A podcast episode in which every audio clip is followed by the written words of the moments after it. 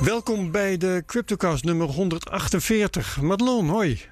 Hoi Herbert. We maken een oud en nieuw podcast. Ja, samen met doen we niet Bert met z'n en Peter keer. Slacht. Wat zeg je? Dat doen we niet met z'n tweeën dit keer. Nee, met z'n vieren zijn we. Bert en Peter Slachter zijn erbij. Heren, ja. Jullie zijn verdubbeld. Goedemorgen. Goedemorgen. Eh, welkom alle podcastluisteraars en de videokijkers op YouTube. Die zien ons met z'n vieren in een keurig carré staan op het scherm.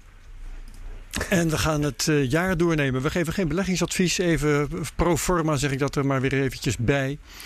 En eh, ja, het was het jaar wel. Ik weet niet of eh, dat ooit anders is bij een cryptojaar.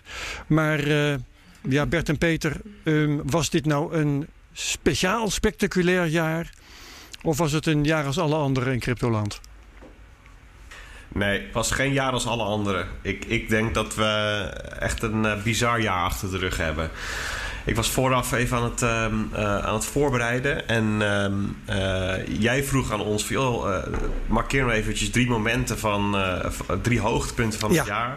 Ehm, en bij, de, bij nummer 30 was het nog steeds niet klaar. En, en, en dan weet je, ik heb hier een speciaal jaar. Drie per maand, ja. Ja, want eh, vaak noem je het dan het, het jaar van, eh, van de halving of zo. Weet je wel? Ja. Het jaar van het hoogte Bijvoorbeeld, van ja. prijshoogte. Van de regulering. Maar, Ja. Precies, maar het gaat ja, maar door. Jaar van regulering, de, de, de, de central Corona. bank digital currencies, van Lightning, van het digitale goud. Corona, precies. Ja. Dus ja, zeker een speciaal jaar. Ja, Bert, ehm, wat, wat zou jij eruit vissen als je met de pistool op de borst gedwongen werd? Ja, ja, dat is lastig. Nou, als er, als er echt één ding is ehm, wat, ja, wat, wat wel het jaar gekleurd heeft, denk ik, dan is het, de, zijn het de professionele investeerders die Hmm. ehm, bitcoin zijn gaan kopen en op de balans gaan zetten. En MicroStrategy is natuurlijk het, het grote Ja. voorbeeld hè, van ehm, Michael Saylor. Nou, in eerste instantie was het gewoon nou, echt een soort totale verrassing dat iemand zegt: Ik heb hier 425 miljoen dollar en ik koop er even bitcoin van. Intussen is het doorgeslagen. Hij heeft nog 600 miljoen geleend op de markt. Hij heeft, hij heeft zelf alles: zijn auto, zijn huis, zijn, zijn, zijn zijn furniture, zijn vrouw, zijn schoonmoeder verkocht. om maar bitcoin te kopen. dus die, hij maakt er echt. Ja. Eh, Heeft hij hij geleerd van Didi Taihutu, hè? ja, precies. Ja, dus maar, maar even, eh, oké, we maken even een grapje van. Maar het, het idee van dat er dus ehm, ehm, eh, professionele investeerders... en niet alleen micro, MicroStrategy, maar, ehm, maar, maar ook allerlei andere bedrijven en fondsen... en het, de eerste verzekeraar die het doet, en, Ja. weet je wel. En zoveel die daarover praten. Dat, kijk, dat is natuurlijk jarenlang is dat een soort hopium geweest. Van dat gaat ooit een keer gebeuren. Ja. En ook heel vaak zeiden mensen bij... joh, maak je nou niet te veel illusies. Dat, dat Ja. zit er gewoon echt niet in. En Ook wel een soort taboe wat er omheen hing. Van, ja, natuurlijk gaan ze dat niet doen. Hoe kom je daar nou bij? Ja, en dat ja, is raar, bitcoin als asset behandelen. Nou ja, dat, dat hè. En, en ook ehm, dat, dat, dat, dat, dat mag helemaal niet. Dat, de, de regelgevers Precies. gaan het helemaal niet toestaan. Ehm, dat, dat- daar zijn de mensen in de, eh, die erover moeten beslissen veel te conservatief voor, was altijd een argument.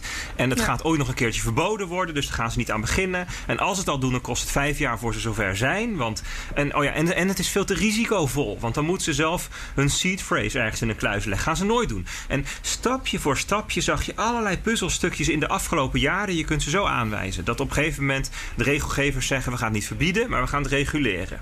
Dat er custodials kwamen die zeggen: wij kunnen in, op inst- institutional niveau kunnen we dat gaan bewaren. En allemaal eh, stu- stukje voor stukje kwam het er. En toen kwam die coronacrisis. En toen zei Michael Saylor, die dacht... Hmm, ik verdien 30 miljoen per jaar met mijn business. Ehm, en ik heb 425 miljoen op de bank. Dus als ik per jaar 10% verlies...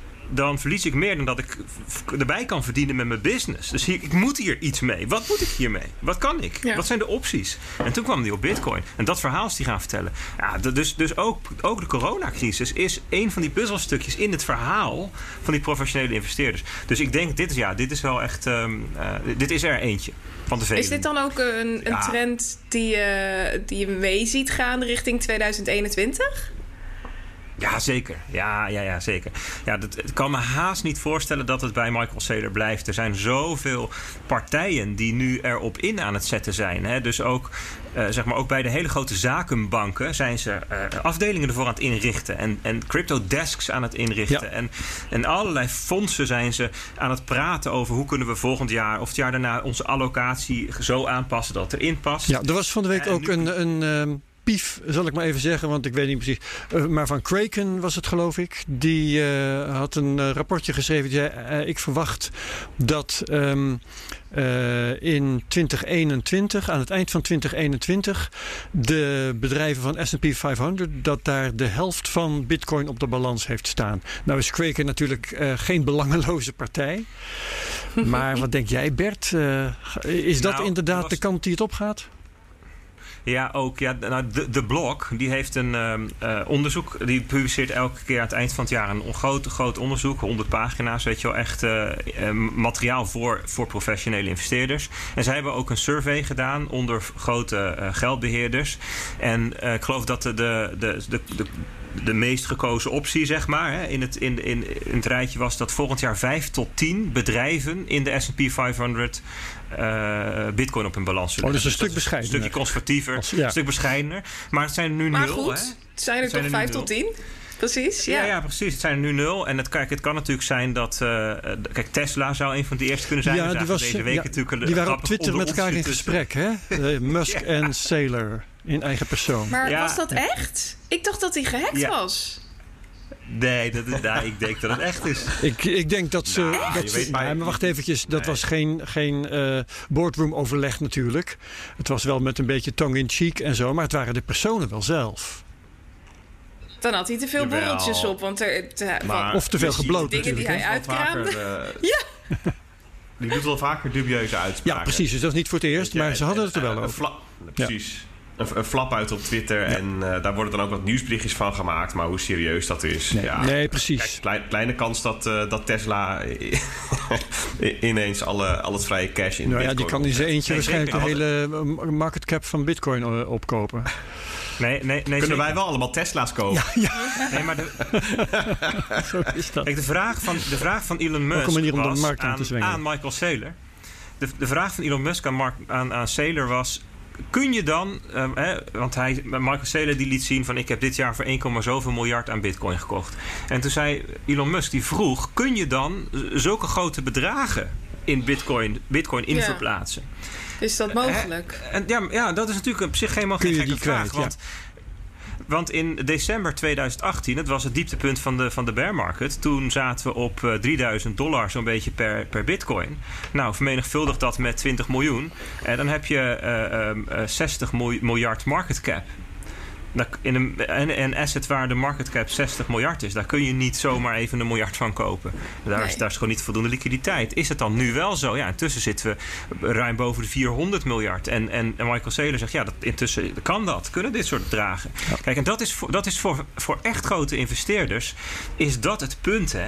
Die hebben niet zoveel aan een asset classje van een paar honderd miljard. Want als zij 5 of 10 procent van hun assets under management er- er- ergens aan toe willen toewijzen, dan is dat gewoon te weinig.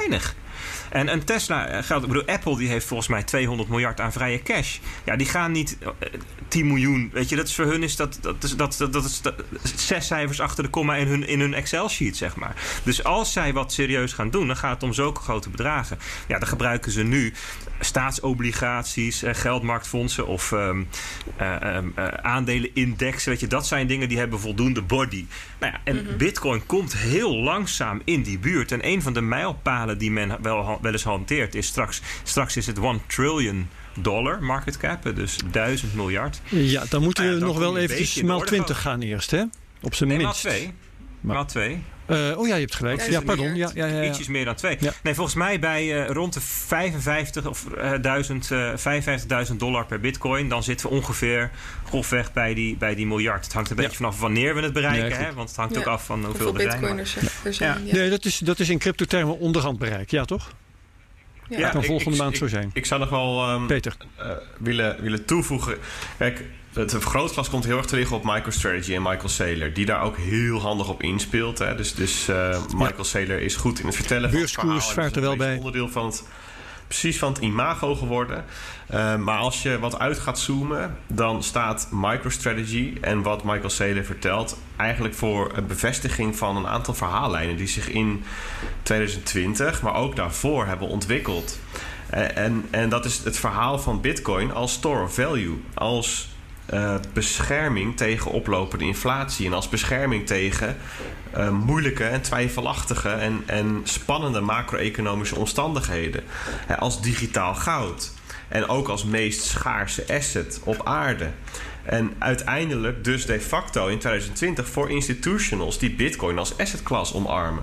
Van rijke individuen tot aan een verzekeraar. Want we hebben ook uh, Mass Mutual gezien bijvoorbeeld. Die heeft gezegd van hé, hey, uh, wij stoppen ook 100 miljoen uh, in die asset class.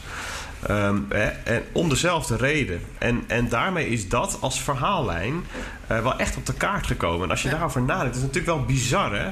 In 2009 bestond Bitcoin ja, niet of net. Hè? En, en elf jaar later is het zo ver. En zit er meer dan 500 miljard dollar in, een, in, in Bitcoin als asset. Dat is. had je van tevoren nooit verwacht of, of, of of aanzien komen. Is dit dan ook de dus wenselijke route? Want jij zegt eigenlijk, we gaan meer richting een store of value. Uh, we weten allemaal dat bitcoin in de eerste instantie in het leven geroepen is als betaalmiddel. Ik ben dan heel erg benieuwd of dit echt de way to go is. Ook kijkend naar uh, wat, er, wat er eerder gezegd is. Hè, op het moment dat die koers van bitcoin blijft stijgen. Ook als we kijken naar de halving. Uh, en bitcoin duurder wordt, de transactiekosten duurder worden. gaan we dan überhaupt nog richting een betaalmiddel? Is dat waar Bitcoin gaat eindigen? Hoe zien jullie die trend zich continueren in 2021 en de jaren die volgen? Ja, dat is een leuke vraag. Heb, heb jij een antwoord? Ik, ik, zie ik, nou, ik, ik, heb, ik, ik heb niet het antwoord. Ik heb er wel gedachten bij. Maar, maar ga maar eerst, dan haak ik ja, erop in. Oké. Ja, heel even tussendoor. Wat ik wel leuk vond. Ik, ik luisterde gisteren een podcast met um, Ed van der Wald, Pompliano. En die zei, dat is een, hij is uh, commentator geloof ik, of journalist bij Bloomberg. En hij zei, ja, bitcoin is eigenlijk niet echt een store of value. Want als wij het hebben over stores of value... dan denken we aan asset classes of assets die je vermogen je koopkracht in stand kunnen houden. houden. En dat is niet wat Bitcoin doet. Bitcoin laat je vermogen groeien. Dus Bitcoin is een store of value. maar eigenlijk is het veel, nog veel beter. Het is, een, het, is een, het is eigenlijk het enige asymmetrische bet die er nu is. Waar de, waar de upside zoveel groter is dan de downside. Dat je het door een plekje te geven in je portfolio. Um, uh, eigenlijk. Um, uh, zeg maar robuuster maakt. Dus als, als je het zo formuleert, Bert, dan hou je er dus zo te horen geen rekening meer mee dat Bitcoin ooit nog eens als een pudding in elkaar zakt. Waar, nou ja, iets waarvan uh, mensen die wel het beleggingsadvies geven, dat doen wij dus niet, zeggen daar moet je toch rekening mee houden. Daarom moet je altijd maar een klein deel van je vermogen in crypto stoppen. Ja, ja. Dat, maar dat zegt hij ook. Hè? Dus, ja, toch dus, wel. Kijk, voor goud zou je een grotere allocatie kunnen doen. En voor Bitcoin is het logischer om dat iets kleiner okay. te houden. Dus wat, wat Sailor doet, dat is, ja, weet je, dat is eigenlijk niet um, een, normaal. Ja. Hè? Dat is eigenlijk niet normaal. Maar goed, even, even terug naar, naar de vraag van uh, Bitcoin als store value. Blijft dat zo? En uh, wordt het nog een betaalnetwerk? Kijk, wat, wat ik interessant vind is dat Bitcoin um, heeft geen baas en geen CEO en geen strategisch plan. Um, en geen uh, board of directors. Dus nee. Het is een natuurverschijnsel, als het ware. Het is een natuurverschijnsel. Dus wij kunnen van alles vinden van wat het zou moeten zijn, maar het is wat het is en het ontwikkelt zich. Nee, maar Madelon vraagt: wat verwacht jij dat er gaat gebeuren? Ja, en dat is omdat, maar... omdat we heel vaak het verhaal hebben gehoord van nou de bedoeling is, of de bedoeling, de, de verwachting, dat het eerst een store of value wordt. En als het dat eenmaal ja. is, dan kan het gaan functioneren als betaalmiddel ja. en als uh, unit of account en dat soort zaken. Die volgorde. Ja, en de vraag is, is dat überhaupt dan wenselijk? Is dat het scenario wat, ja. wat wij Maar eerst of het gaat gebeuren. Kijk, en daar Kijk, en daar haakte ik even op in op het vraag van... is het wenselijk? Is het goed of fout? En ik vind dat we dat oordeel eigenlijk niet kunnen geven... omdat mm -hmm. bitcoin gewoon zich ontwikkelt zoals ja. zich ontwikkelt. Ja. Hè? Um, en, um, maar gaat het gebeuren? Ja, ik denk het wel. Ik denk dat um, dat alleen gebeurt op een andere manier... dan we vier jaar geleden dachten. want als je gaat kijken naar de naar de waarde die Bitcoin waarschijnlijk in de komende vier jaar al gaat hebben. Tussen de, laten we zeggen, tussen de 100.000 en de 400.000 dollar. Dat is wel een beetje de, de, range waar de meeste mensen nu hun, hun, hun uh, price target zetten. Ja, met dat soort bedragen kun je gewoon geen kopjes koffie op de base layer afrekenen. Nog even los Waarom van. Je hebt toch Satoshis die, die een 100 miljoenste daarvan zijn? Jawel, maar je hebt natuurlijk te maken met uh, de transactiekosten ja, ja, nou, die dan veel te hoog worden. Ja, ja, ja. Uh, dus, dus, dus de manier waarop dat dan kan gaan gebeuren is ofwel in second layers, zoals Lightning. Ja of liquid of andere dingen die ontwikkeld worden of custodial. Zoals bijvoorbeeld nu PayPal, daar kun je gewoon bitcoins kopen en verkopen. Die heb je dan in je wallet als Amerikaan. Hè? Dus als, als ja. Canadees of Nederlander kan het niet. Maar je kan er gewoon heel makkelijk bitcoin kopen. Twee drukken op een knop en je hebt het. En vanaf begin 2021 kun je het ook als source uh, voor betalingen gebruiken. Dus ja. als je met PayPal gaat afrekenen, dan kan ik kan nu selecteren mijn creditcard of mijn Rabobankrekening. En zij krijgen dan optie erbij Bitcoin. Overigens heel maf, want in Amerika, juist in Amerika is dat volgens mij een hele hoop gedoe. Want elke keer als je Bitcoin omzet in dollars, moet je capital gains taxes betalen. Ja. Dit zou eigenlijk veel logischer zijn in Nederland. Want in Nederland is Bitcoin gewoon een vermogensbestanddeel. En hoef je alleen maar vermogensbelasting te betalen op pijldatum 1 januari. Dus als ergens een plek is waarop dit eigenlijk ideaal zou werken, zou het Nederland zijn. Maar goed, ze hebben gekozen ja. voor Amerika. Um, dus, dus daar kan je straks soort van met bitcoin betalen. Ja, een soort girale bitcoin heb je dan, hè? Ja, kijk, het enige is wel... Vordering um, op de bank. Um, ja, nou ja, kijk, PayPal die heeft die dingen dus in beheer. En PayPal zal wel echt moeten zorgen dat hij die bitcoins ook daadwerkelijk heeft. En dat doen ja. zij ook. Want als ze dat niet doen, dan zijn ze namelijk op de, binnen de kortste keren failliet. Want bitcoin stijgt ja. harder dan wat zij uh, ooit kunnen goedmaken als ze ja. ermee sjoebelen, weet je wel. Wat dat betreft is, is die, die, die koersstijging is genadeloos. Hè. Je kunt niet vier, vier jaar cheaten, want dan ben je één cycle nee. verder en dan ben je gewoon failliet. Ja, als, als, je, als, je, als je het niet 100% dekt met bitcoins, ben je in feite als een idioot aan het short gaan. Dat is. Uh, ja, echt, maar ja. extreem aan het Ja, short ja. gaan. En kijk, dat, dat, dat zou kunnen misschien tegen de tijd dat Bitcoin, uh, um, zeg maar. Een, een daadwerkelijk een, een, een, een, mainstream wereldwijd betalingssysteem zou zijn over 20 of 30 jaar, als het daar komt. Maar uh, nu is dat levensgevaarlijk. Nee, maar als het gaat dus, om. Dus is, want, want, dit ging over. kun je ermee betalen en zo? Gaat, gaat dat mogelijk worden? Jij stelt vast met, met PayPal. Heb je in feite iets wat een beetje lijkt op het Lightning Network. Je hebt bitcoins waarmee je vierloos kunt betalen. Hele kleine bedragen. Ja.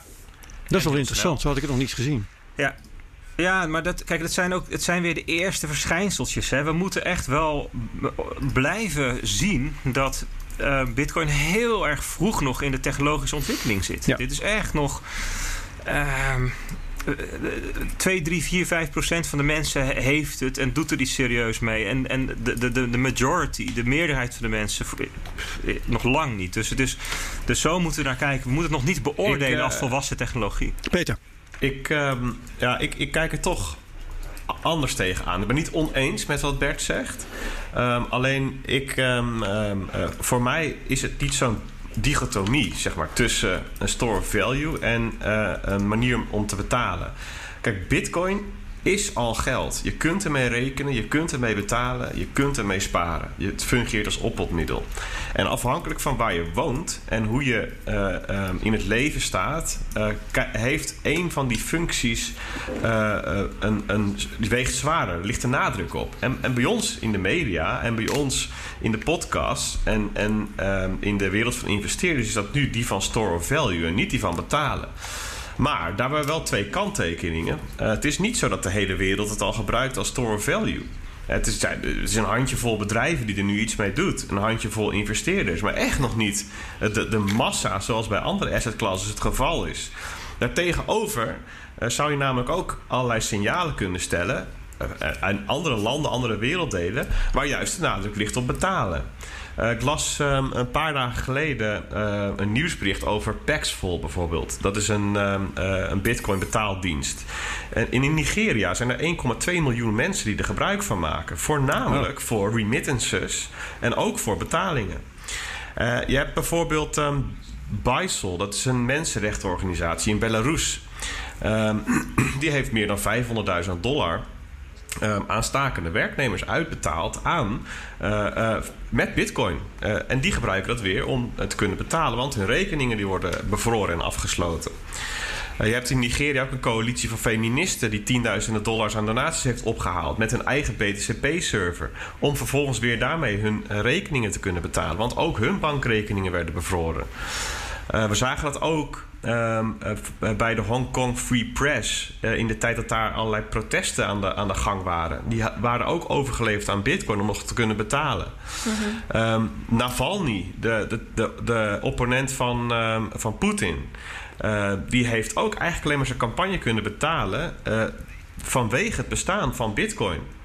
Uh, en heeft het zelfs als pressiemiddel kunnen gebruiken voor het instand houden van zijn gewone bankrekeningen. Want de wetenschap dat hij ook bitcoin zou kunnen gebruiken was daarvoor voldoende. Maar zijn dat niet best wel uitzonderlijke situaties die je nu benoemt? Want dat zijn wel, wel, situaties waarvan wij in Nederland. Nou, in Nigeria zeker in, in Nigeria zou ik zeggen van niet. En voor, voor bijvoorbeeld Venezolanen is het ook niet mhm. zo. Er zijn hartstikke veel mensen die daar weg zijn gevlucht. Ja. En door bitcoin hun vermogen hebben kunnen meenemen. Mhm. En ook weer betalingen kunnen doen aan mensen die nog in Venezuela wonen. Dus hiervan zeg je eigenlijk... Er zijn miljoenen mensen... Een trend die, die ook meegaat. Buitengesloten... Nou, het, het punt is... Het wordt al gebruikt als betaalmiddel. Ja. Dat, dat, is het punt dat ik wil maken. Het is niet alleen een store of value. Het is voor heel veel, voor miljoenen mensen, is het al een betaalmiddel. Ja. Uh, en, en dat is belangrijk, denk ik, om ook te vertellen. Je, je, ik, ik weet niet. Um, alle, alle functies van Bitcoin die, uh, die gaan hand in hand met elkaar mee. Naarmate Bitcoin meer voet aan de grond krijgt als store value, uh, zal je ook zien dat het meer gebruikt gaat worden als betaalmiddel. Het is niet dat er een omslag is van, nou, nu is het voldoende waardevol, nu gaat iedereen ermee betalen. Dat gaat hand in hand met elkaar mhm. mee. en en um, wat, wat dat betreft, hoe, hoe gaat dat dan zijn? Uh, nou, ik denk dat. Uh, ja, ik, ik las pas geleden las ik een, uh, een uitspraak van. even kijken, van wie was dat ook alweer? Ehm, dat was van Miles Utland. Ja, dat is een, een journalist en anker van Yahoo Financial Life. die heeft vrij recent een blogpost geschreven. Die heet Bitcoin is a thing that exists. En die schrijft eigenlijk aan een heel breed publiek van... Joh, je kunt het niet meer negeren. Het is raar als je er nu geen mening over hebt. En twee, hij, hij heeft een pleidooi voor het idee dat... Um, uh, Bitcoin ofwel waardeloos wordt, ofwel extreem waardevol eindigt. Hij noemt 0 of een miljoen dollar. En um, wij begrijpen waar die vandaan komt. Er zit een heel verhaal achter. En het sluit een beetje aan op wat Satoshi Nakamoto uh, in, in, de beginfase van Bitcoin ook al schreef op de forums waar ze toen de tijd bij elkaar kwamen. Die zei: I'm sure uh, that in 20 years there will either be very large transaction volume or no volume. Ja. Weet je wel, Bitcoin heeft twee logische eindpunten. Het zal niet blijven kwakkelen. Zo, zo, zo is die niet ontworpen.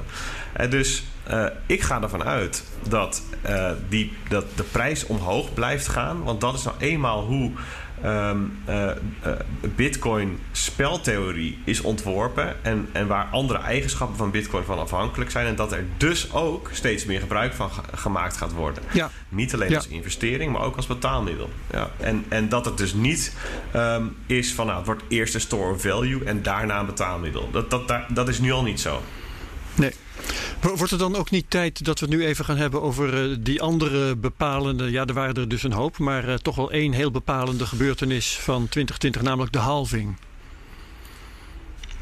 Ja, ja, misschien wel leuk om even te benoemen. Want ik had uh, allemaal nieuws uh, per maand opgesomd. En ja, een van de nieuwtjes die ik op de website. Ja, die ik op de website van Lekker Cryptisch vond, is het nieuwtje dat miners met vertrouwen 2020 ingingen. En uh, ik kan me nog herinneren dat ik de halving echt een spannend, spannend ding vond. En je had er niet zoveel vertrouwen in? goed gegaan is. Nou, het was niet dat ik er niet zoveel vertrouwen in had. Ik weet nog dat we met Mark van der Scheij spraken toen. En nou ja, op de een of andere manier, het was toch een ding. Hè? Het, het, het, kon fout gaan. En ook al zei hij van nou, we hebben er wel vertrouwen in. Natuurlijk zeg je dat het, als, je, als je CEO of, of whatever, als je investeerder bent in het eet. Ja. Um, dus ja, ik, ik moest het nog maar zien. En dat was een heel belangrijk ding in, in 2020, waarvan ik denk nou, laten we het hier ook nog even over nou, Sterker nog, we hebben, we hebben Bert en Peter op uh, visite gehad in de Cryptocast. En die hebben uh, als, een van de, als een van de mogelijke scenario's dat Bitcoin naar nul zou gaan, genoemd dat die beveiliging Precies. zou falen. Hè, de, doordat ja. de miners te weinig meer zouden verdienen. Dus heren, ja. uh, kom even met jullie gevoelens in 2020. hadden jullie er vertrouwen in? Ja, qua gevoel zeker wel. Dat is eigenlijk wat Peter net beschrijft. Hè? Het idee van die, die, um, de prijs moet omhoog. Dat heeft heel erg te maken met die halvings. Want bij elke halving um, halveert de beloning die de miners krijgen voor het leveren van hun rekenkracht. Dat wil zeggen, um, de beloning die ze krijgen bestaat uit twee delen: de blok subsidy dat is een, het aantal nieuwe bitcoins wat in omloop gebracht wordt. En de blok, uh, de, transaction fees, dus de transactiekosten. En samen maakt dat de blok rewards. En die subsidie, de, subsidie, hè, dat is wel mooi eigenlijk dat het zo heet. Dat is eigenlijk de subsidie die de miners krijgen om, um, om bitcoin uh, op te starten, zou je kunnen zeggen. Om Bitcoin volwassen te laten worden. Maar ooit moet Bitcoin op eigen benen staan. Dan is het groot en dan moet het leven van de transactiekosten. Er komt een punt. Kijk, we zeggen altijd van ja, dat is pas in 2140. Hè? Want dan, uh, dan krijg je nul satoshis uh, aan bloksubsidie. En dat is waar. Ja, maar voor die tijd is het al lang verwaarloosbaar natuurlijk. Ja, ja. dat convergeert naar nul. Hè? Dus het, de, de, de, de, decennia daarvoor zijn het een paar satoshis. Tenzij bitcoin uh, 100 jaar lang elke vier jaar in waarde blijft verdubbelen. Maar dat kan niet. Hè? Zijn we het daarover dat eens? Kan, dat kan niet, nee, dat kan niet nee. in reële termen. Nee. Dus dat kan niet uitgedrukt in pakken melk, biertjes, auto's, huizen. Dat nee, soort alleen als je hyperinflatie dus krijgt. Kan, ja. Maar, de, maar ja, met hyperinflatie, wat er dan eigenlijk gebeurt, is dat alleen maar het getalletje, hè, dus nominaal ja. verandert. Dus ja. inderdaad, dat kan niet. En dus wat je eigenlijk ziet is dat um, in, in 2040 um, speelt de bloksubsidie eigenlijk geen rol meer. Geen significante. En in 2032, dat is een beetje het moment dat grofweg um, de transactiekosten het moeten gaan over, het stokje moeten gaan overnemen. Dat ze zo'n beetje even groot zijn. Ze noemen dat ook wel het crossover point. Dus dat is eigenlijk al best wel snel. Dus we hebben dus 2020, dat is dit jaar, 24, 28, 22. Dus we hebben nog maar een paar halvings en dan moet dat punt bereikt zijn. En elke halving halveert dus um, uh, uh, uh, zowel. Het, dus, dat, dus twee dingen tegelijk gebeuren er. Dat is wat interessant maakt. De beloning voor de miners halveert. En daarmee dus ook de inflatie. Hè? Want de nieuwe bitcoins die in omloop worden gebracht, dat is, dat is wat, wat er elk jaar nieuw bij komt. Dat is de inflatie. Dus die halveerde ja. dit jaar van 3,7% naar 1,8 of zo. Dat is overigens ook een van de argumenten in, hè, waardoor het ook als store of value of als digitale goud interessanter is geworden. Want het heeft nu daadwerkelijk grofweg dezelfde inflatie als goud. Goud wordt er ook ongeveer anderhalf, 2 procent per jaar aan nieuw goud boven de grond gebracht. Nou, en dat is dus met Bitcoin nu ook. Weet je, dat is dus na die halving van dit jaar is, is dat narratief eigenlijk compleet geworden. Um, uh, en, en bij elke halving wordt Bitcoin een beetje uit zijn balans gebracht. Wordt even, de, het, het, kussen wordt opgeschud. Want miners die krijgen ineens de helft van wat ze daarvoor kregen. Ja, en omdat die industrie zo groot is, hè, dus, dus even, even rekenen. Begin dit jaar was de bitcoinprijs ongeveer 10.000 dollar per bitcoin. En er werden er 1800 per dag uh, in omloop gebracht. Dus 18 miljoen dollar per dag aan bitcoin is er een budget voor miners bij elkaar. Dat is best wel veel. Dus die, die industrie is behoorlijk efficiënt. In de zin van dat uh, de kosten die zij maken liggen best wel heel dicht bij de opbrengsten. Want als, dat, als daar een groot gat tussen zou zitten, dan zouden anderen zeggen: Oh, dan ga ik ook minen, want daar is geld te verdienen. Ja. Dus het ligt heel dicht bij elkaar. Dus als je dat halveert, ja. dan zijn er in één keer een hele hoop miners die verlies maken. Dat gebeurde ook, hè? In, uh, en dat gebeurde ook. En dat is het risico wat vaak wordt genoemd van oké, okay, bij de halving moeten we maar zien wat er daarna gebeurt. Zijn er miners die allemaal failliet gaan en um, gaan daardoor de prijs naar beneden, want ze dumpen hun ja. uh, laatste bitcoins om in leven te blijven. En dan zijn er dus nog meer die verlies maken, die moeten ook ja. hun bitcoins dumpen. Maar het grijpt dus mooi in elkaar, want het, het, verhaal van plan B bijvoorbeeld is hè, dat uh, door uh, die halving neemt nou juist de schaarste toe en dus de prijs en dat komt vanzelf in orde. Is ook ja, gebeurd dat is de andere kant van dezelfde medaille. Ja. Hè? Dus je hebt de ene kant van de medaille, zeggen mensen, ja, je krijgt een soort, soort uh, negatieve spiraal naar nul toe. Dus zo, de, het risico van een halving is dat het gewoon bitcoin door het putje gaat, einde oefening klaar. En de kans van de halving, dus de andere kant van de medaille is, het wordt twee keer zo schaars. En we zien tot nu toe telkens dat de prijs dan ongeveer tien keer zo hoog wordt. Hè? Dat is het verhaal van Plan B. Ja. En de vraag is, kijk, nu weten we welke kant het opgevallen is. Want het is helemaal goed gekomen met die halving. De rekenkracht kreeg even een deuk. Het stabiliseerde. We hebben difficulty werd aangepast. En, en een hoop miners die hebben hun oude apparatuur in de wilgen gehangen. Denken, nou, dit mooi is klaar. En nu gaan we met nieuwe apparatuur verder. En het is helemaal goed gekomen. En de prijs zit nu op 24.000 dollar. Dus ook dat is goed gekomen. Maar dat is achteraf. Precies, Achteraf is dat geluk wonen. of is dat noodzaak? Dat is wel een interessante vraag. Ja, nou ja, wie zal het zeggen? Maar vooraf was het heel duidelijk bij iedereen een vraagteken. Gaat dit wel of Ja. niet gebeuren? Gaat het wel of niet goed komen? En nu weten we, het is weer goed gekomen. En dus is er weer een manier weg waarop Bitcoin kan falen. Namelijk de halving in 2020 laat Bitcoin niet falen. Weten we nu. Ja, dat is een hele geruststelling. Ah. Peter? Ja, Ja, ja, ja ik, ik, vond, ik vond het een goede vraag van, eh, van Madelon. Eh, want het is niet zo dat eh, de hele markt eh, er er net zo van uitging als wij persoonlijk. Zeg maar, nou, het komt wel goed. Eh, want ehm, ehm, er hing ook best wel een, eh, een zwaard van Damocles boven. Want de prijs was in aanloop naar de, naar de halving best Ja. wel laag. Hè? Herinner je dat nog? Dat we zo'n uitschieter hadden naar de 3000 dollar, 5000 dollar. Ja. Weet je, en, de, en de, de, de- ik weet, volgens mij hadden we toen een kostprijs berekend van rond de 12.000 dollar eh, per bitcoin in die periode. Dat is echt een onwijs gat. ja. en er komt Ja, er ook dus nog een halving overheen. Ja, nou ja, exact. Hè. En wat gebeurt er dan met miners? Want dat is wel de, eh, een van de belangrijkste spelers in het hele ecosysteem. Hoe gaat dat stabiliseren? Er kwamen allerlei rapporten uit over verwachtingen. Ehm, eh, de meest indrukwekkende van toen was die van Blockware Solutions, volgens mij. Kijk het maar eens terug. Het is een heel mooi rapport over eh, de dynamiek binnen, binnen de markt van miners en hoe dat gaat veranderen. En zij beschreven het best wel positief als dat de halving ook een, een, ehm, een, een soort reinigende werking heeft op de markt van miners. En dat ehm, de miners die efficiënt genoeg opereren om deze kostprijs aan te kunnen overblijven. En dat zijn dan ook miners die het niet nodig hebben om hun inventaris uit te verkopen om overeind te blijven. Wat dan weer bijdraagt aan de prijsstijging van Bitcoin. Eh, want eh, er worden minder nieuwe Bitcoins op de markt gebracht, hoeft minder geabsorbeerd te worden enzovoort. Eh, en, en, nou, en dat in combinatie met allerlei andere factoren hebben we dat toen ook een soort perfect storm genoemd. Hè? Als, dit, als dit allemaal goed valt, heb je, heb je een, een, een clean slate voor Bitcoin, waarop die wel eens onwijs in waarde zou kunnen gaan toenemen. Eh, nou ja, en dat is gebeurd. Ja, of, of, of causale verbanden zijn lastig aan te wijzen. Maar weet je, de, de, de gedachten die we toen hadden... Nou, het lijkt er wel op dat dat de juiste bleek te zijn. Daar ben ik zelf wel blij mee. Want het had ook een andere kant op kunnen vallen. Maar wat Bert zegt, het is, het is, in 2020 is, is zo'n schakeljaar... Ja. eh, van op allerlei fronten. Hè, dat Bitcoin niet, weer niet dood is gegaan, weer niet verboden werd, eh, weer niet te maken heeft gehad met een fatale bug, eh, weer geen eh, minor death spiral te verduren kreeg, enzovoort, enzovoort. Ondanks dat er allerlei grote eh, eh, stappen, invloeden en krachten Ja. op afgegaan. En hebben jullie... niet de perfect storm die om ons heen woedde. Zelfs dat heeft Bitcoin tot nu toe nog overleefd. Sorry Herbert. Dan, wat ik zou willen weten van Bert en Peter is ehm, eh, weer een paar kansen afgewend, weer een paar eh, eh, mogelijkheden afgewend dat Bitcoin zou falen. Hebben jullie het idee dat met de tijd die kans dat zoiets gebeurt ook steeds kleiner wordt? Of moeten we na elk jaar toch weer opgelucht ademhalen? Ja, ik, ik, ik denk in het algemeen dat ehm, van alle duizend manieren waarop iets kan mislukken, is eh, als je er eentje kan afstrepen, wordt het minder. Eh, dus Ja, maar met bugs werkt het niet helemaal zo. Als je da- dat als voorbeeld neemt, als, er, eh, eh, als er dit jaar zo'n bug niet wordt gevonden, dan kan het volgend jaar. Ja, is de kans dan volgend jaar kleiner Ja. dat het alsnog gebeurt? Ik weet het niet.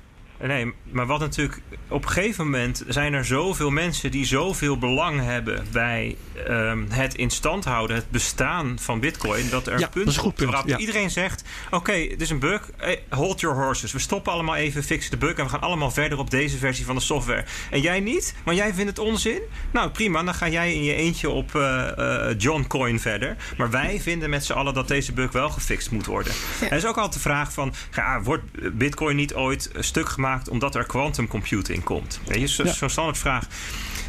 Quantum computing, als, er- hè, als, als er ehm, quantum computers zijn die zo groot zijn dat, dat het überhaupt relevant wordt, dan is het belang zo groot in de Bitcoin community om te zeggen: oké, pauze.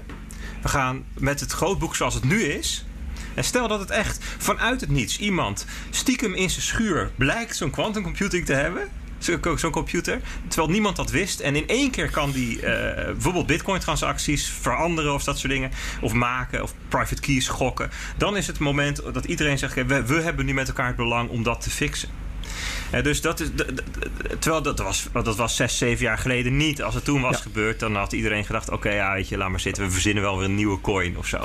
Ja. dus, dus naarmate het groter wordt. En dat is ook. Dat, is, dat, kijk, ook het verhaal van verboden worden. Kijk, in 2017 toen zeiden een aantal hele grote Um, zeg maar regulators, uh, machten, de, de, de BIS en het IMF en weet je wel, dat, dat soort instituties die zeiden van nou, we moeten er maar eens met elkaar over nadenken hoe we het gaan reguleren. Met andere, ze hadden ook kunnen zeggen: joh, dat bitcoin dat wordt ons een beetje een systeemrisico. We gaan het collectief gecoördineerd wereldwijd verbieden. Had ook gekund. Hebben ze niet gedaan. Maar dat was natuurlijk maar een woord. Hè? Want ja, ik bedoel, ze, zeggen dat wel, maar gaat het ook gebeuren? En intussen weten we dat al die instituties en al die centrale banken en al die commerciële banken er ook daadwerkelijk mee bezig zijn gegaan om het te gaan uh, reguleren. Ja. En dus daarmee is de kans dat ze het alsnog gaan verbieden echt heel erg klein geworden. Ja, sterker nog, uh, met elke partij, we hebben er intussen een paar genoemd, hè, het begon nou, MicroStrategy, maar ook een verzekeraar. De ene bank na de andere blijkt er ook uh, concreet mee bezig te zijn voor zijn klanten. Steeds meer van die partijen hebben er ook inmiddels gewoon zelf belang bij als bedrijf of namens hun klanten dat dit allemaal goed blijft gaan. Ook de, de gevestigde financiële partijen.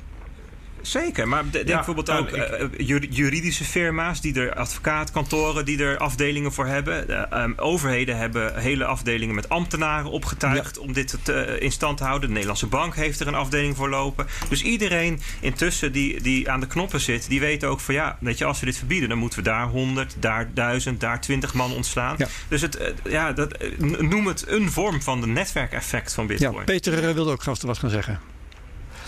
Ja, klopt. Nou, en hele mooie brug, want ik wilde het gaan hebben over het netwerkeffect. Kijk, voor mij, voor mij staat. Um, is zeg maar heel kort antwoord op jouw vraag. Ja, ik geloof dat de kans steeds kleiner wordt dat, uh, uh, dat Bitcoin ineens faalt. En, um, en voor mij is dat heel erg verbonden aan het netwerkeffect. Uh, en dat staat voor dat, de, dat iets in waarde toeneemt naarmate er meer mensen en partijen gebruik van maken. En ik vind dat Trace Mayer die uh, mooi opgezomd heeft, die heeft er ooit zeven genoemd. Die heeft het over onder andere speculatie. Dus uh, Bitcoin is volatiel, dat trekt handelaars aan. Het neemt toe in waarde, althans dat is speculatie, dat trekt investeerders aan. Hij heeft het over verkopers, over klanten, over miners, over ontwikkelaars, over financials. En het punt is, iedere keer dat er een risico wegvalt en of de, de, de waarde stijgt van Bitcoin, dus de prijs stijgt, trekt dat nieuwe partijen aan en daarmee neemt het netwerkeffect weer toe. En dat, dat bouwt zichzelf als het ware op. Dus met ieder, ieder jaar dat verstrijkt en dat er niet iets is gebeurd, uh, dat zo'n inbreuk maakt op het bestaande netwerkeffect, dat dat barst uh, wordt het netwerkeffect sterker en steviger en dus ook de kans kleiner dat dat nog een keer gebeurt. Nou ja, en, en ik denk dat we zeker in 2020 weer heel veel dingen hebben gezien dat dat netwerkeffect versterkt. Ja. Dus, dus voor mij uh, is dit wel een jaar geweest waarin ja, best wel veel extra vertrouwen is gekomen in Bitcoin als asset. Ja. Madelon, uh, wat hebben we nog meer voor mooie affaires van 2020 liggen? Om het over ja, te regulering, dat, dat ja. is het onderwerp wat we nu natuurlijk aanstippen. Dat is een onderwerp wat ook een hele grote rol speelde dit jaar. En ik zag al vanaf maart dat daar een aantal berichten over naar buiten kwamen. En eigenlijk was in, uh, in mei de grote klap, ook voor vele uh, partijen natuurlijk in Nederland. Hoe hebben jullie dat ervaren? Dat er van alles misging en dat mensen om de tuin geleid werden. Dat er vanuit de Nederlandse Vereniging Bitcoinbedrijven behoorlijke tegengas gegeven is. Op het laatste moment, toen nou ja, het vuur aan de schenen lag, dat er nog steeds de regulering niet voor alle bedrijven erdoor was en tot op heden nog steeds niet is. Uh, hoe hebben jullie hier naar gekeken vanaf de zijlijn? Nou, ik. ik um... Ik ben er uh, ja, heel dubbel gevoel. Ik word er een beetje verdrietig van, ja. van hoe het is gegaan. En uh, tegelijkertijd uh, was het iets onafwendbaars en is het voor de professionalisering van de sector best oké. Maar uh, ja, het ik heb toch overwegend een hele bittere bijsmaak aan overgehouden hoor. En um, dit hele gebeuren startte natuurlijk al in 2018 18, 19. Eigenlijk, laten we even zeggen 2019 toen dit... Um, uh, dat is het jaar geweest waarin uh, de, de, de, nieuwe wetgeving... rondom uh, witwassen en terrorismefinanciering tot stand kwam in Nederland. toen is er in de Tweede Kamer over gedebatteerd. En, en eigenlijk begin 2020 kwam het in de Eerste Kamer terecht. daar is het doorheen geloodst door Hoekstra. Ja, en dat hele proces is ja, geweest. Ja, gênant vind ik ook. Ja. Echt gênant. Noem even waarom um, jij het gênant vindt. Ja, het is, het is um, het is op een hele vervelende manier door de Kamer heen geloodst. Door uh, dingen niet schriftelijk vast te leggen. Dus er waren allerlei vragen uh, over hoe zwaar uh, wordt deze wetgeving nou? En, en, en is het nou wel of niet een licentiestructuur? Of gaat het puur om een registratie? Ja. Is het iets wat je krijgt of is het iets wat je doet? hoeveel gaat het ons kosten? En er zijn allerlei mondelinge toezeggingen gedaan die achteraf toch uh, ja, gewoon eventjes door het putje zijn gespoeld. Um, en we zitten per saldo nu wel met een, uh, met een registratiesysteem op papier. Met de, de eisen en uh, de inspanningen die nodig zijn om een licentie te behalen. Um, en ja, ik vind dat voor de, voor de sector best ja. wel. Um, heftig en pijnlijk. Ja, er was ook een, een motie aangenomen dat er geen bedrijven over de kop mochten gaan. En dat gebeurde toch wel. En toen zei Hoekstra, ja, dat is dan maar zo.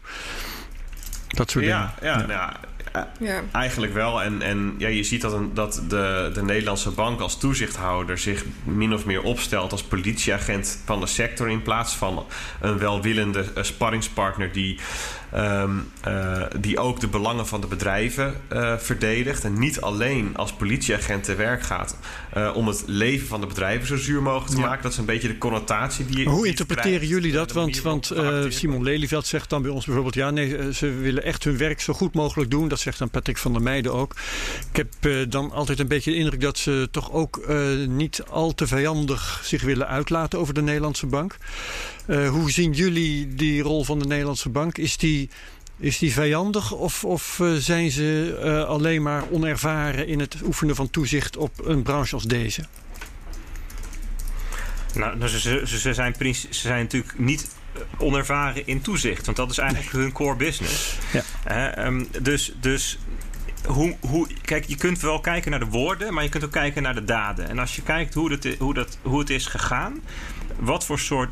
Neem bijvoorbeeld die, die, die regel die dan in september nog ineens uit de hoge hoed werd getoverd.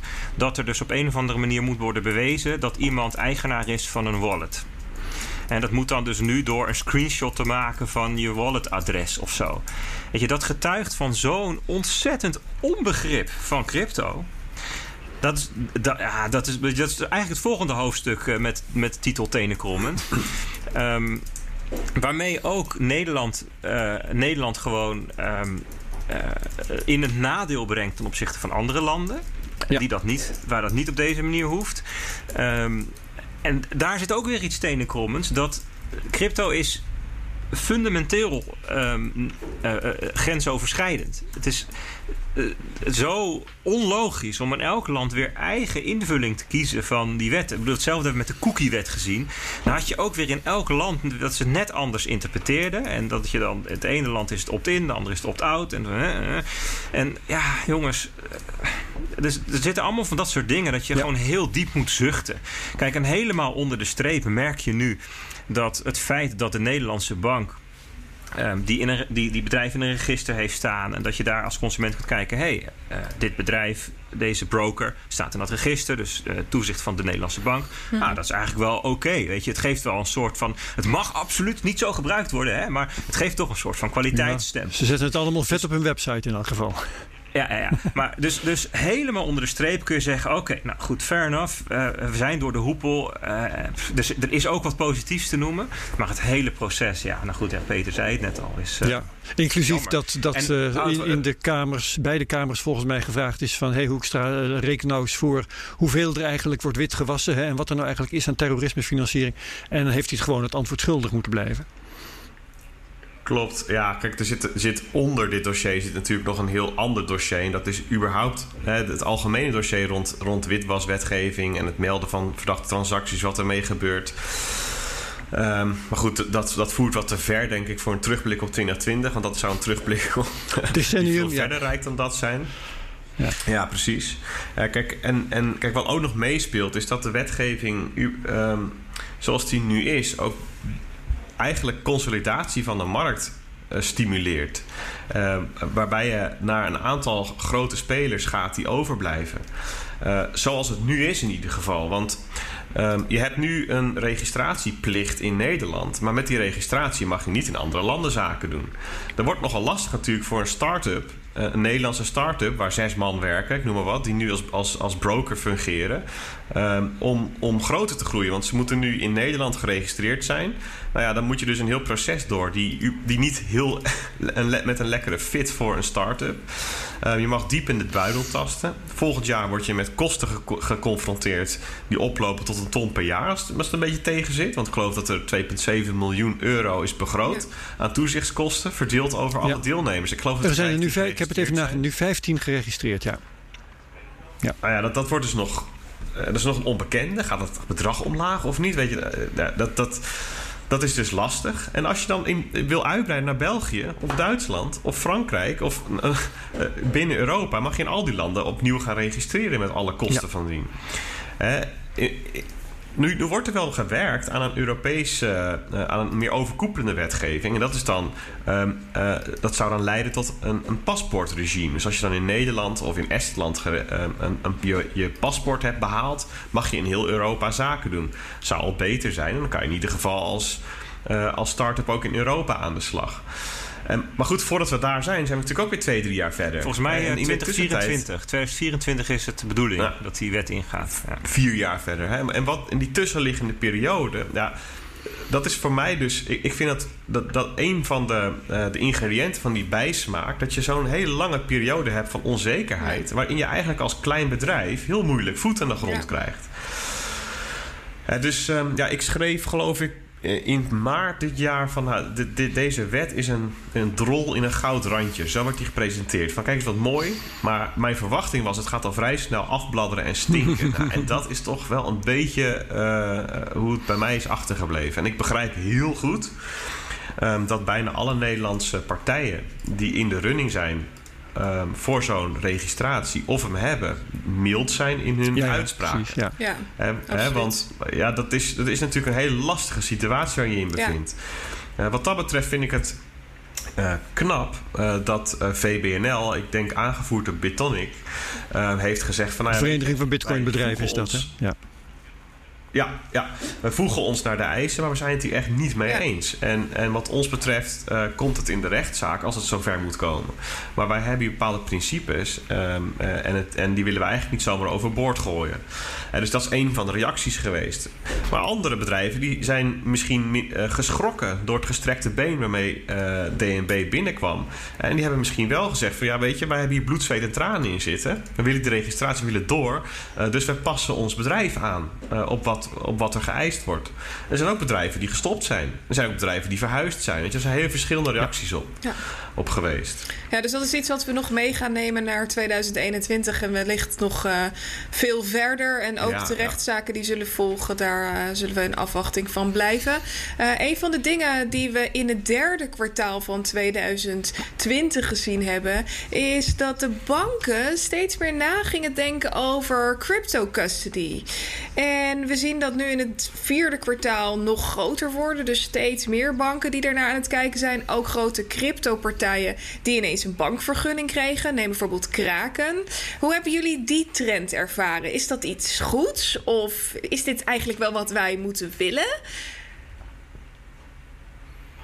Het is vooral in Amerika, Madelon, hè? Ja, klopt inderdaad. Vooral in Amerika. We hebben hier ING gehad, overigens, die eh, keek naar een custody-functie. Maar dan niet zozeer om Bitcoin te bewaren, maar puur met het oog op een stablecoin. Een zelf te ontwikkelen stablecoin om transacties te kunnen versnellen en dergelijke. Maar in Amerika ging het inderdaad echt de PayPal-achtige functie. eh, Ja, ja ik, ik, ik zou hem ietsjes algemener willen trekken als om het signaal eruit te halen van Ja. dat ehm, eh, mij is opgevallen dat in 2020 ehm, de verhouding tussen Europa en Amerika is veranderd. De, voor voor vorig jaar, zal ik maar zeggen, Ja. was, was er in Amerika ontzettend veel onzekerheid over crypto. Er hingen nog allerlei dingen boven de markt van de SEC en van nou ja, de, de, de grondstoffen eh, zusje van ze. En ehm, eh, nou ja, wat de centrale bank ervan ging vinden en allemaal dat soort dingen. Je had natuurlijk al die hele belasting. eh, er zijn ja, het is allerlei belastingclaims. Hè, van, van, van als je het niet goed had aangegeven dat je de gevangenis in moest. Allemaal van dat soort onzekerheid. Ehm, eh, op staatsniveau dat er dan licenties wel en niet werden uitgegeven en we werden ingetrokken. Dus het was allemaal heel onzeker. En in Europa ja, was het eigenlijk allemaal best wel stabiel.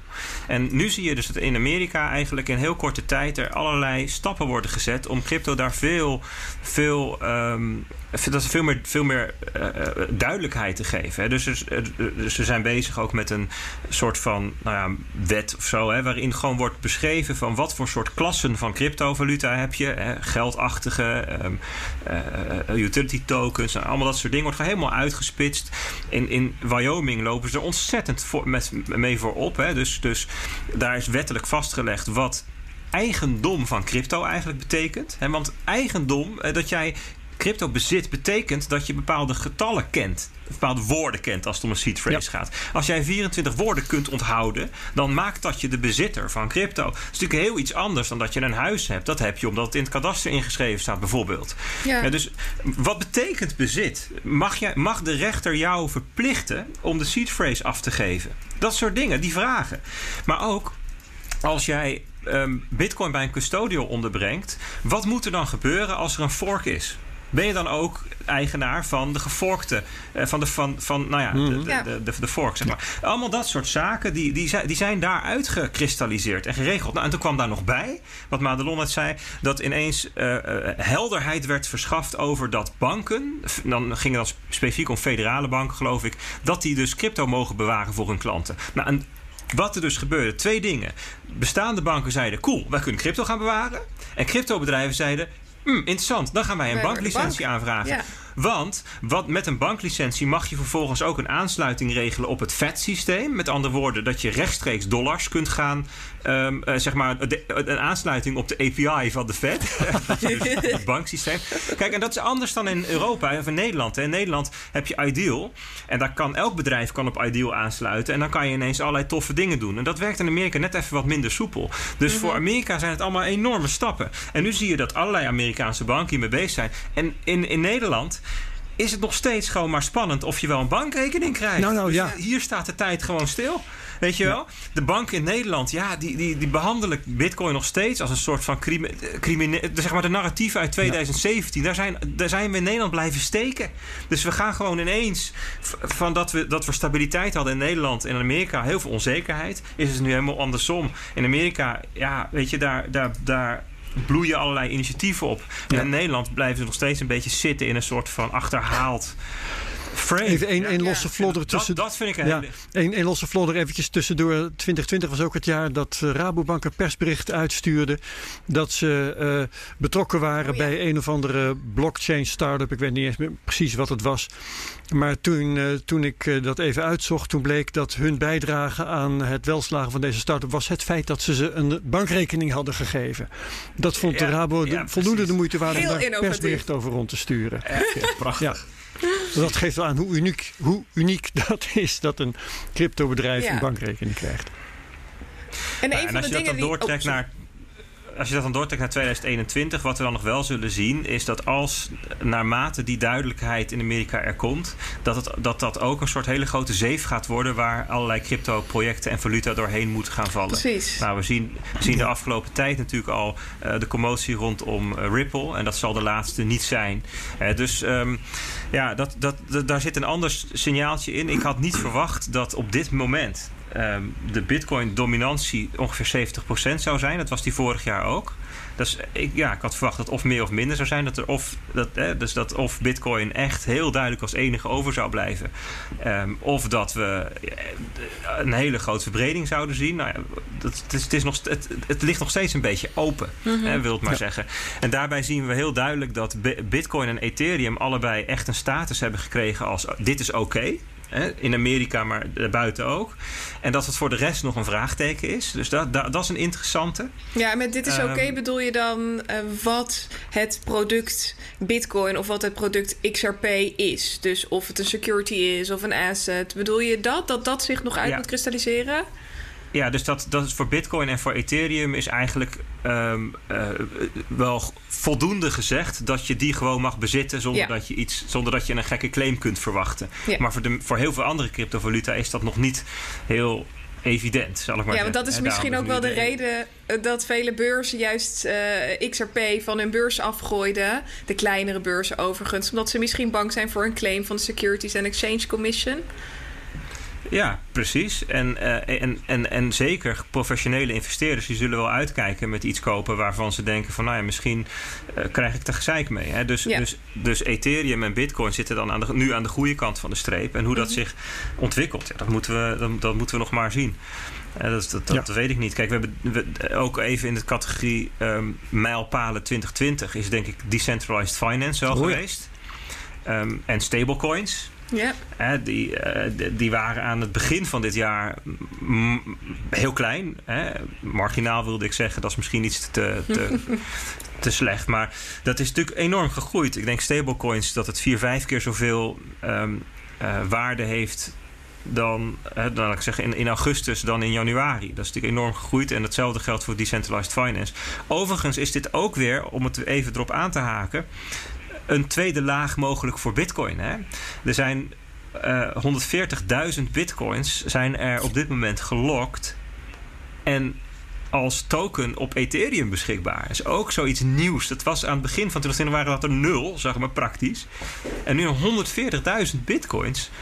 Nou ja, ik kan het ik, eh, moet uit je hoofd proberen uit te rekenen. Keer 20.000, dus een paar miljard. Hè?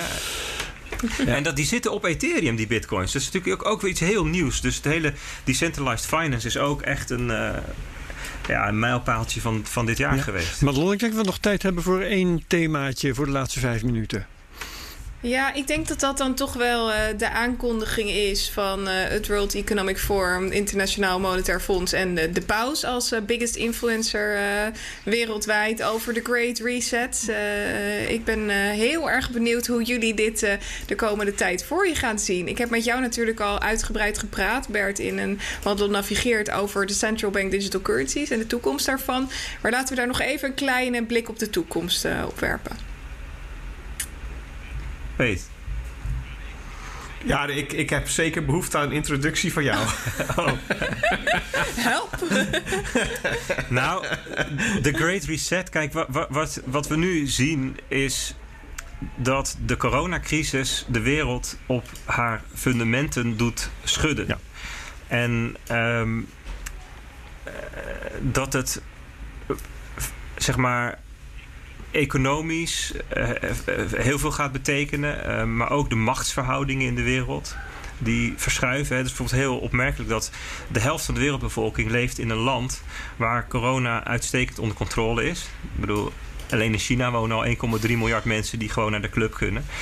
En, en, en vooral in Amerika en Europa is het natuurlijk gewoon echt problematisch. Dus, je, dus, dus dat, dat zijn interessante eh, verhoudingen die, die anders worden. Dus je ziet economisch en machtsverhoudingen die verschuiven.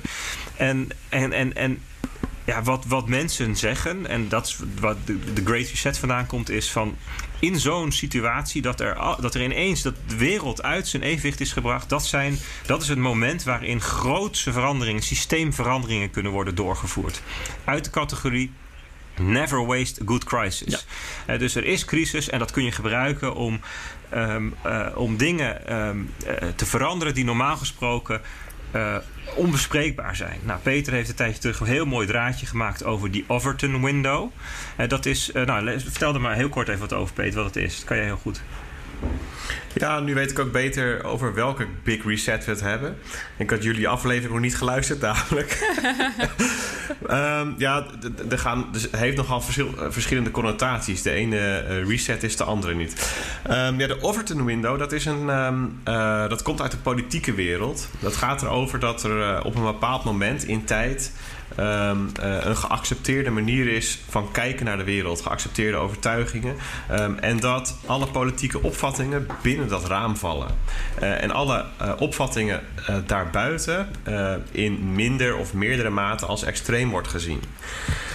Ehm, en je hebt politici die trekken aan het, aan, aan het window door bijvoorbeeld iets extreems te zeggen, zodat minder extreme opvattingen die nog niet in dat window vallen, steeds dichter erbij komen. En op een gegeven moment dus het raam verschuift. Mm -hmm. um, en um, ja, wat zijn uh, goede voorbeelden daarvan? Ik heb ze nou... nou ja, dus even terug naar de Great Reset. Dus een van de. Er zijn nu een aantal zaken die komen nu ineens in dat window van wat acceptabel wordt of misschien wel beleid. En dat is bijvoorbeeld. MMT, Modern Monetary ja, uh, Theory. Hebben we dit jaar ook over gehad. Um, die zegt van. Ja, die zegt van joh, je, um, uh, een. een um, een land met monetaire soevereiniteit. Hè, dat is een van de voorwaarden. Dus, dus, Europa, of dus Nederland is dat helaas niet. Nederland kan geen MMT doen volgens het boekje. Maar bijvoorbeeld Canada, Amerika, Australië, dat soort landen, Japan zouden dat kunnen doen. En dan zou je kunnen zeggen, um, met een fiatmunt um, kan de overheid onbeperkt geld maken. Want een tekort van de overheid, dat is uh, een overschot van de maatschappij en dat is goed. Hè? En um, nou, dat is een bepaalde manier van kijken naar fiatgeld. Um, waarbij bijvoorbeeld, um, uh, nou, een van de dingen die bijhoudt is het job guarantee. Dus dat de overheid zegt, wij zorgen ervoor dat iedereen altijd werk kan hebben. Een ander ding erbij is, het wordt vaak het basisinkomen genoemd. Nou, dat is eigenlijk niet precies hoe ze het voor zich zien. Maar je zou wel um, mensen geld kunnen geven gericht op een bepaalde manier. Dat ja. helemaal diep in de maatschappij terecht laten komen. Dus niet zoals nu dat, mensen, dat, hè, dat de centrale banken het eigenlijk helemaal aan, de, aan het topje van de piramide van het financiële systeem het geld uitstorten. Hè, dat wordt, die staatsobligaties die worden gekocht door de centrale bank, nou ja, dat gaat dan bij de hele grote financials, maar dat komt helemaal niet bij de burger of bij de MKB'er terecht. Dat komt terecht in, in, in uh, vastgoedmarkten die, die, die uh, opgeblazen worden als bubbels en aandelenmarkten die opgeblazen worden. En, nou, en er zijn allemaal, uh, digitaal centrale bankgeld kan een instrument zijn om, dat, om dit te doen. En dit waren allemaal thema's die, ja, die de afgelopen jaren wel geroepen werden, maar eigenlijk niet als serieus um, werden overwogen.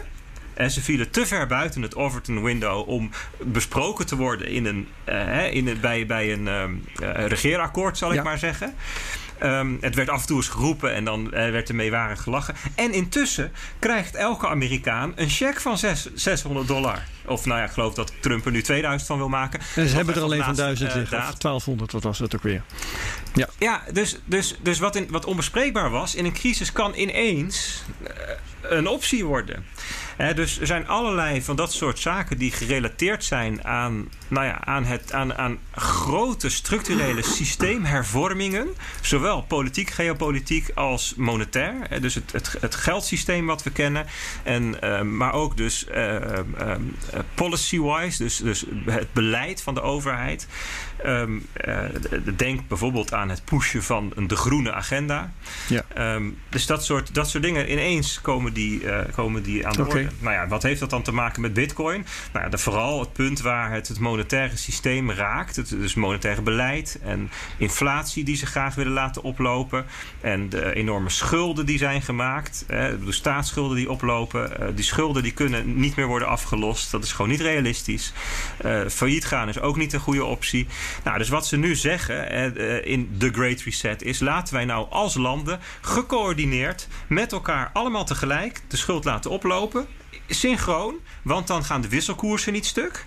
En dan kunnen we gaan experimenteren met allemaal van dit soort dingen. Dat we mensen ja. geld gaan geven. En uh, ja, dat is natuurlijk, dat, is, ja, dat was onbespreekbaar. En dat is nu ineens gewoon het gesprek uh, binnen, de, nou ja, de, binnen de, de machten ja, der wereld. We moeten het hier geleidelijk aan bij laten. Madelon, zijn er nog urgente dingen van jouw lijstje?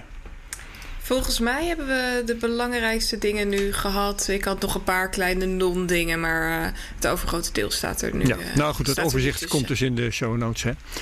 Dan gaan we het hier inderdaad uh, bij laten. Um, deel ons op Twitter. Doe de interacties op YouTube. Reviews op Apple Podcasts. Bert en Peter Slachter, heel hartelijk bedankt. Volgende week hebben we het over trading bots. Dus dat wordt ja, een hele mooie, interessante aftrap van 2021. Madelon, Ja, jij ook met bedankt. twee gasten, dus dat wordt leuk. We hebben twee Herbert, gasten. jij natuurlijk bedankt. vandaag. Ja, en we doen dat ook Ja. via Zoom trouwens. Dus dan zitten we ook weer met z'n vieren in een eh, vierhoekje bij elkaar. Ehm, dus iedereen, voor zover dat nog eh, mogelijk is, een goede jaarwisseling. Anders een eh, goed nieuw jaar. En heel graag tot de volgende CryptoCast. Bedankt allemaal en dag. Hoi. Dag!